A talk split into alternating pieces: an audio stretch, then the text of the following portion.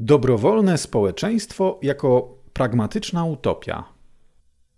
Friedrich August von Hayek znany był z tego, że zachęcał innych klasycznych liberałów, by włożyli swój intelektualny wysiłek w tworzenie liberalnej utopii, prawdziwego liberalnego radykalizmu, nieprzesadnie praktycznego i nieograniczającego się do tego, co wydaje się dziś politycznie możliwe. W przeciwieństwie do większości, jeśli nie wszystkich utopii zaproponowanych w historii, ta, oparta na ekonomii i przez to świadoma nieusuwalnych ograniczeń rzadkości dóbr, nie miała reprezentować naiwnej, idealistycznej wizji raju na ziemi, lecz pragmatyczny projekt prawdziwie wolnej i zamożnej wspólnoty. A jednak, mimo jego pragmatycznego ugruntowania w nauce o ludzkim działaniu, wielu życzliwych wolności myślicieli może wyczuwać pewnego rodzaju intelektualne napięcie pomiędzy zaproponowanym przez Hayeka projektem a definiującymi cechami dobrowolnego społeczeństwa.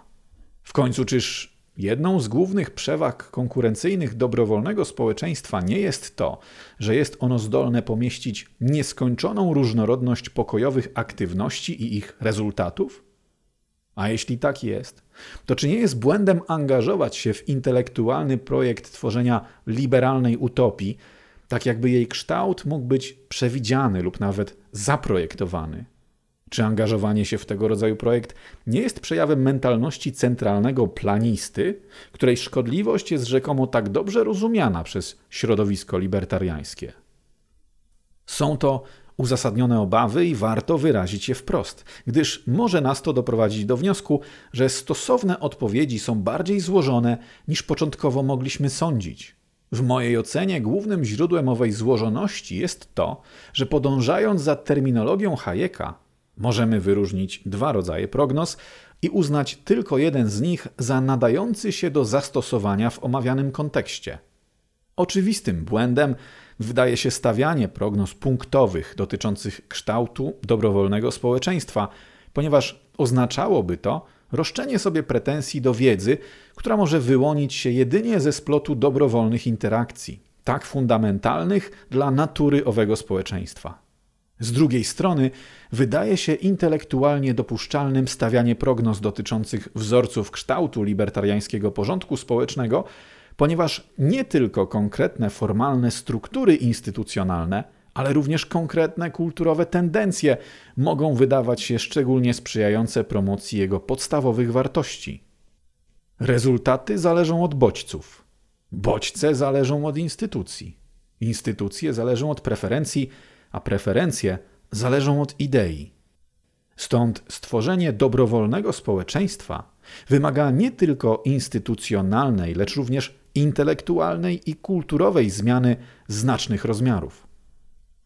Wcielenie takiej zmiany w życie prawdopodobnie wymaga z kolei promocji wizji społecznej opartej nie tylko na wywiedzionym z prognoz punktowych opisie instytucjonalnej logiki prywatnych sądów i agencji obronnych, ale również na wywiedzionym z prognoz wzorców opisie różnych kulturowo atrakcyjnych właściwości libertariańskiego porządku społecznego. Powyższa obserwacja wnosi wkład do debaty pomiędzy szerokimi a wąskimi libertarianami. Sugeruje ona, że libertarianizm składa się z wąskiego, filozoficzno-prakseologicznego fundamentu zawierającego takie elementy jak zasady samoposiadania i nieagresji oraz nadbudowy składającej się z praktycznie nieskończenie różnorodnych, szerokich części składowych. Może to brzmieć jak standardowe wąskie stanowisko, jednakże kładzie ono nacisk na szerokość nadbudowy, jako na integralny element libertariańskiego projektu. Sednem sprawy jest w tym kontekście to, iż w przeciwieństwie do praktycznie każdej innej filozofii społecznej, szerokie aspekty libertarianizmu są amorficzne, lub by użyć precyzyjniejszego terminu, nieskończenie wielopłaszczyznowe. Innymi słowy, promowanie różnych szerokich wartości jako moralnie i kulturowo atrakcyjnych właściwości dobrowolnego społeczeństwa może być postrzegane jako integralny element implementacji libertariańskiego projektu, lecz dopiero przyszłość może pokazać, które z tych wartości zostaną wyłonione w procedurze odkrywania, jaką jest kulturowa i moralna konkurencja, a tym samym które z nich okażą się szczególnie spójne z nieodzownym, wąskim fundamentem libertariańskiego porządku społecznego. Zilustrujmy to następującym przykładem. Być może jest tak, a być może nie jest tak, że dobrowolne społeczeństwo będzie się w przeważającym stopniu charakteryzowało stosunkami gospodarczymi znacznie bardziej horyzontalnymi, bezpośrednimi i inkluzywnymi niż te, które dominują obecnie. Jeśli jednak możliwość utworzenia przynajmniej małej społeczności opartej na tego rodzaju stosunkach przyciągnie do libertariańskiego projektu dodatkowe osoby, będzie to wskazywać na to, że szeroka nadbudowa libertarianizmu składa się częściowo z odpowiadających takim stosunkom moralnych i kulturowych wartości, takich jak samozatrudnienie, partycypacyjne zarządzanie przedsiębiorstwem i tym podobne. Hayek ostrzegał swoich czytelników przed pozorami wiedzy, zakorzenionymi w tym, co nazwał konstruktywnym racjonalizmem.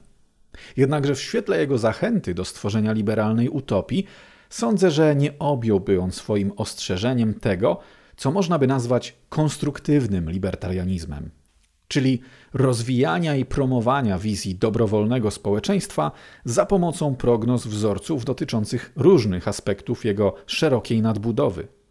Dopóki pamiętamy, że wszystkie tego rodzaju prognozy będą musiały zostać przetestowane w warunkach wolnego rynku idei, dopóty ich formułowanie ma zadatki, by stać się kluczowym wkładem w tworzenie prawdziwie pragmatycznej utopii, wciąż niedoskonałej, ale o wiele bardziej wolnej i dostatniej niż dzisiejsze status quo.